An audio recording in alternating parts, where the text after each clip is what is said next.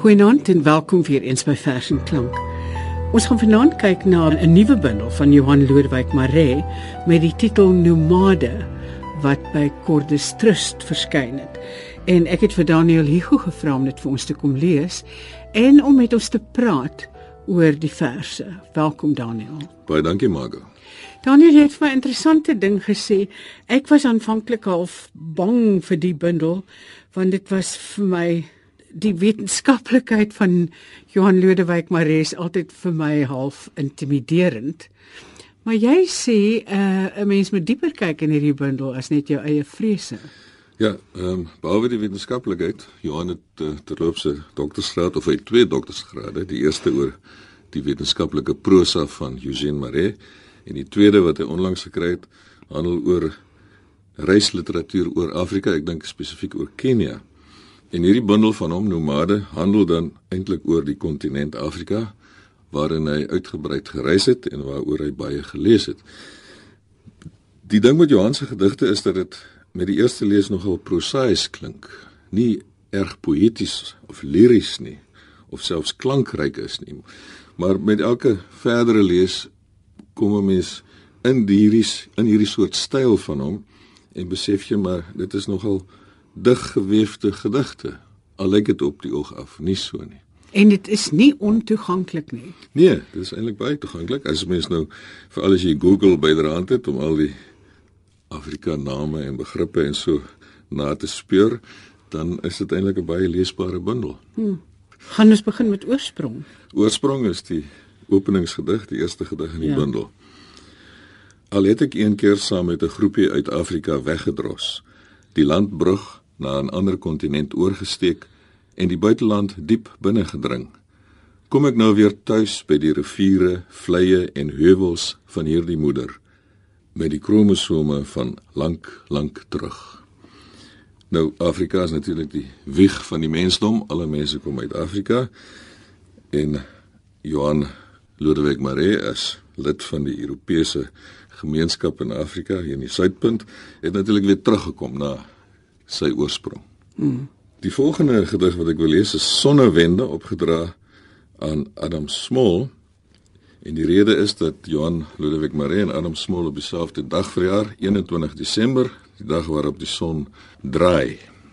Dit is interessant dat in hierdie gedig verwys hy nie na enige van Small se poesie nie, maar wel na 'n van Wyk Lou gedig. Op dieselfde dag is ons gebore in die hart van die somer as die son in die suidelike halfrond stil gaan staan en kort voor lank weer op sy baan koers kry. Maar stadig eers het my pa wys vertel. Hy wat gekyk het hoe ver die son skuif en dan weer al op die berg se rand op sy pad tussen die aarde se pole na sy volgende wending terugkeer. Op my en jou dag het die son op laas die verste weggebuig van sy reguit lyn daar verstar voor dit begin kwyn en vir ons 'n eindigheid vasgestel. Ons is kinders van die wye en droewe land, gebore op die noodlottige grens tussen die boogskutter en die steenbok, tussen die jagter en die prooi. Ja, die eh, van Wyk Lou verwysing kom natuurlik in daardie reël voor waar hy sê ons is kinders van die wye en droewe land.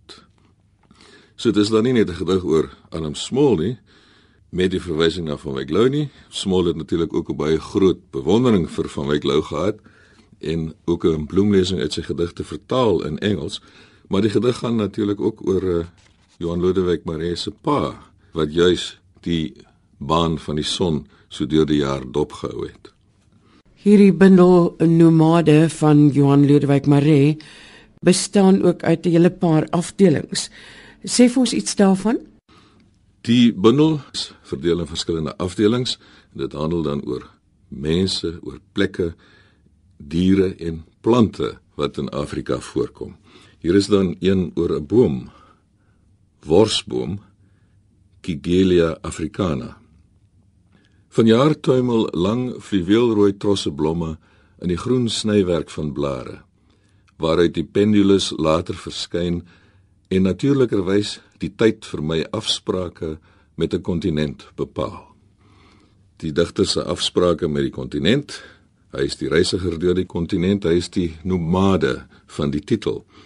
En dan in die volgende gedig, Krimetart, beskryf hy dan sy reis deur Afrika om die krimetartbome op verskillende plekke te gaan besoek. Met GE Wickens se kaart op my knie, soek ek die krimetarte ver en wyd, van die Laagveld tot in die Sahel, van die Caprivi tot by Mombasa, en verkyk my aan hulle voorkome. Ver suid onder die boom van Tsokwane maak ek 'n ligte merkie op die kaart en nog 'n paar tot langs die Luvuvu. By Sagole kom ek al slingerend deur die dik rooi riviersand aangery. In die toiletboom van die Caprivi maak ek broek los. Op Kikonye eiland kyk ek na 'n uil hoog in die takke. In Mombasa sien ek laat in die aand hoe mense na die roep van die muezzin verby die boom in Nkrumah wegloop. Hoe wortels by die takwarenes tussen die grafte indwing en bemerk die bome al langs the lunatic line. By die Victoria meer gesels ek met die gids in koeltes van 'n kolos. Van Timbuktu na Dakar oefen ek aan nuwe name: Hamau, Oro en Calabassier du Senegal. En op 'n Vrydagmark in Kaïro sien ek die ovaal vrugte oopgebreek en 'n handvol pitte soos die woorde van 'n gedig in my kaart toegevou.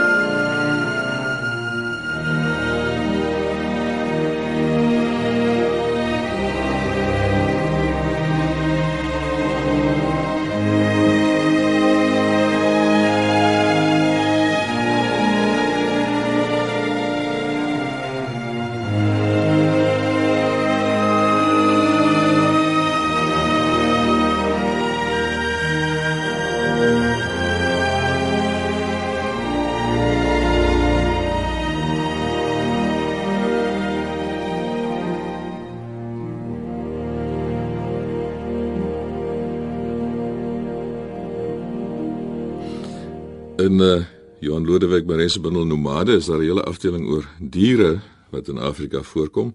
Die een daarvan is natuurlik die kameel, die Camelus dromedarius.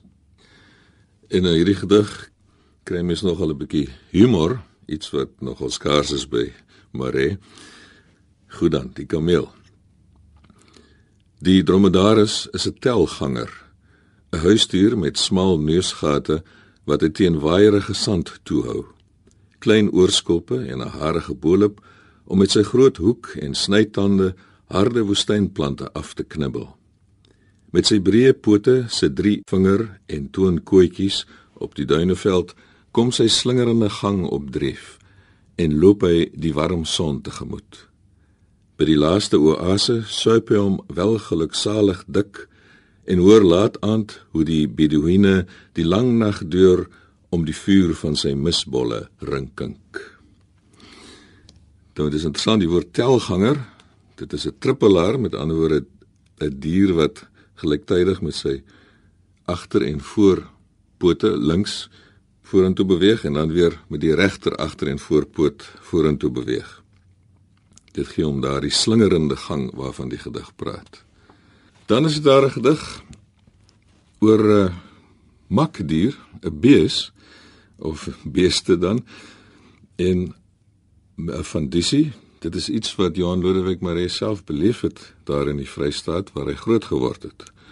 Hy is natuurlik 'n plaasseun. Op Mont Pelan kom die boere met Fords, Chefs en Mercedes bymekaar vir die van Dissy van Slabbert en van 'n merwe. En in krale wag die beeste slaafs vir die klok se geklingel.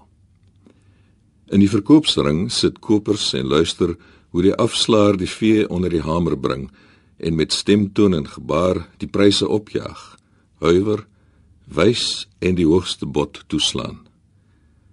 In die drukgang syfer hulle een vir een deur en word gemerk. So raak koei en kalf gou geskei en deur die donker nag loei die diere hulle verlange tot dit stil word in die môre. Onderaan die gedig staan die datum 1968. Dit is nie die jaar toe die gedig geskryf is nie, daarvoor was Johan toe nog te jonk, maar dit is die jaar waarin hy so van Disie beleef het daar in die Oos-Vrystaat by Harry Smit waar hy groot geword het. 'n Baie interessante gedig in Johan Lodewyk Maree se bundel Nomade is Frans Kraal. Dit is 'n gedig wat eintlik handel oor die opperman wat 'n strandhuis gehad het by Frans Kraal en dis in 'n mate 'n herskrywing van 'n gedig van opperman uit sy bundel Komas uit 'n bamboestok. Miskien moet ek eers die opperman gedig lees. Die titel daarvan is Loergate. My drie dogters het op Frans Kraal 'n uitgespoelde Japaneese net teen die kaal bakstene van die speelsaal aan ou koperskeepswerf spykers opgehang. En in die swart geknoopte maas dooies van die land en see gevang. 'n Glasdobber, 'n slang se afgeslipte vel, 'n seesandaal wat oopbek skreeu, doppe van volstruiseier, skilpaaie van die land en see, egels en korale, 'n vinkse nes en skedels van skaap, biskop, meeu en rop en bo aan 'n balk met dik nylon vas, bo 'n houtkatrol en bamboestok, bo my tekens van bosviool gehang uit getye toe walvisse gesproei reën en getuimel dans het deur sale van die melkbome 'n werwelbrok. En dan Johan Lodewyk Marese herskrywing van daardie gedig of sy antwoord daarop Frans Kraal Op die strand raak ek verstrooi oor 'n stuk Japaneese net met 'n groot maal mok in die maas verstrik. Ek wil met my knipmes die heerser van die wind lossny vir my versameling, maar die reuk van die dood dryf my terug.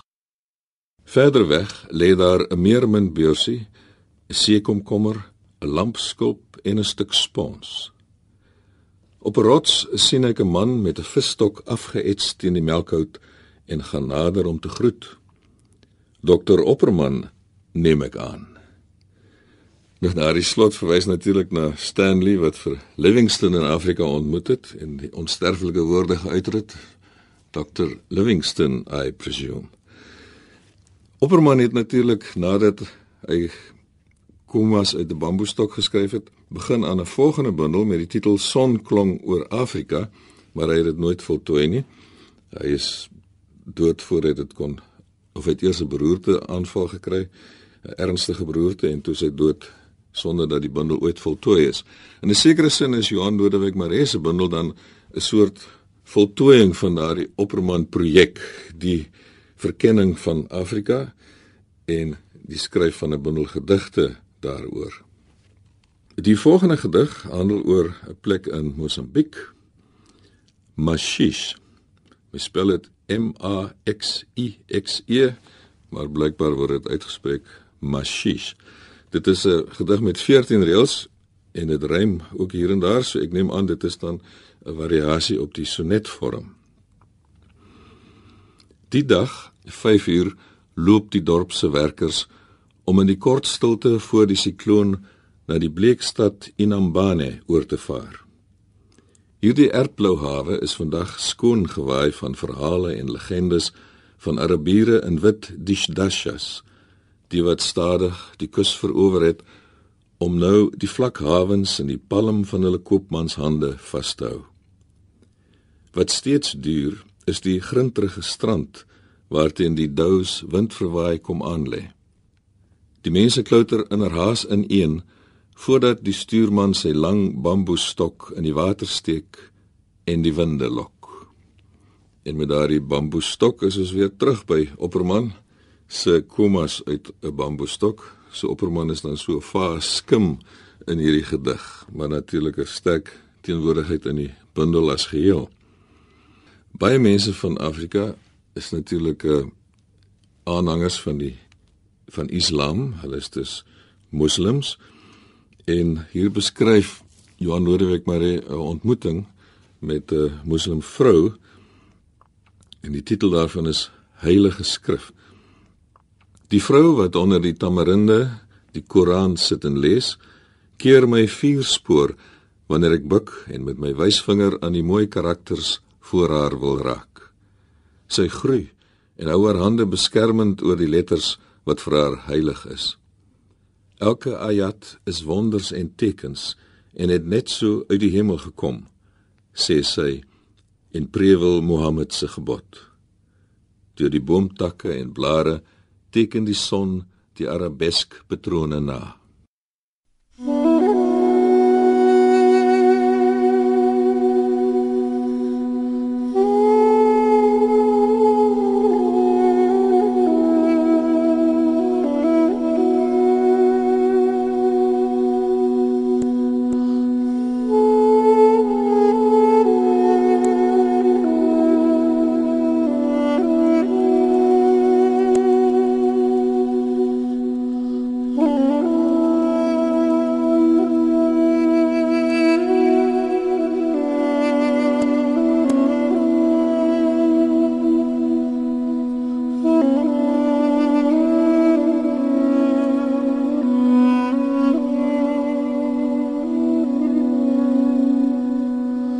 Mm-hmm.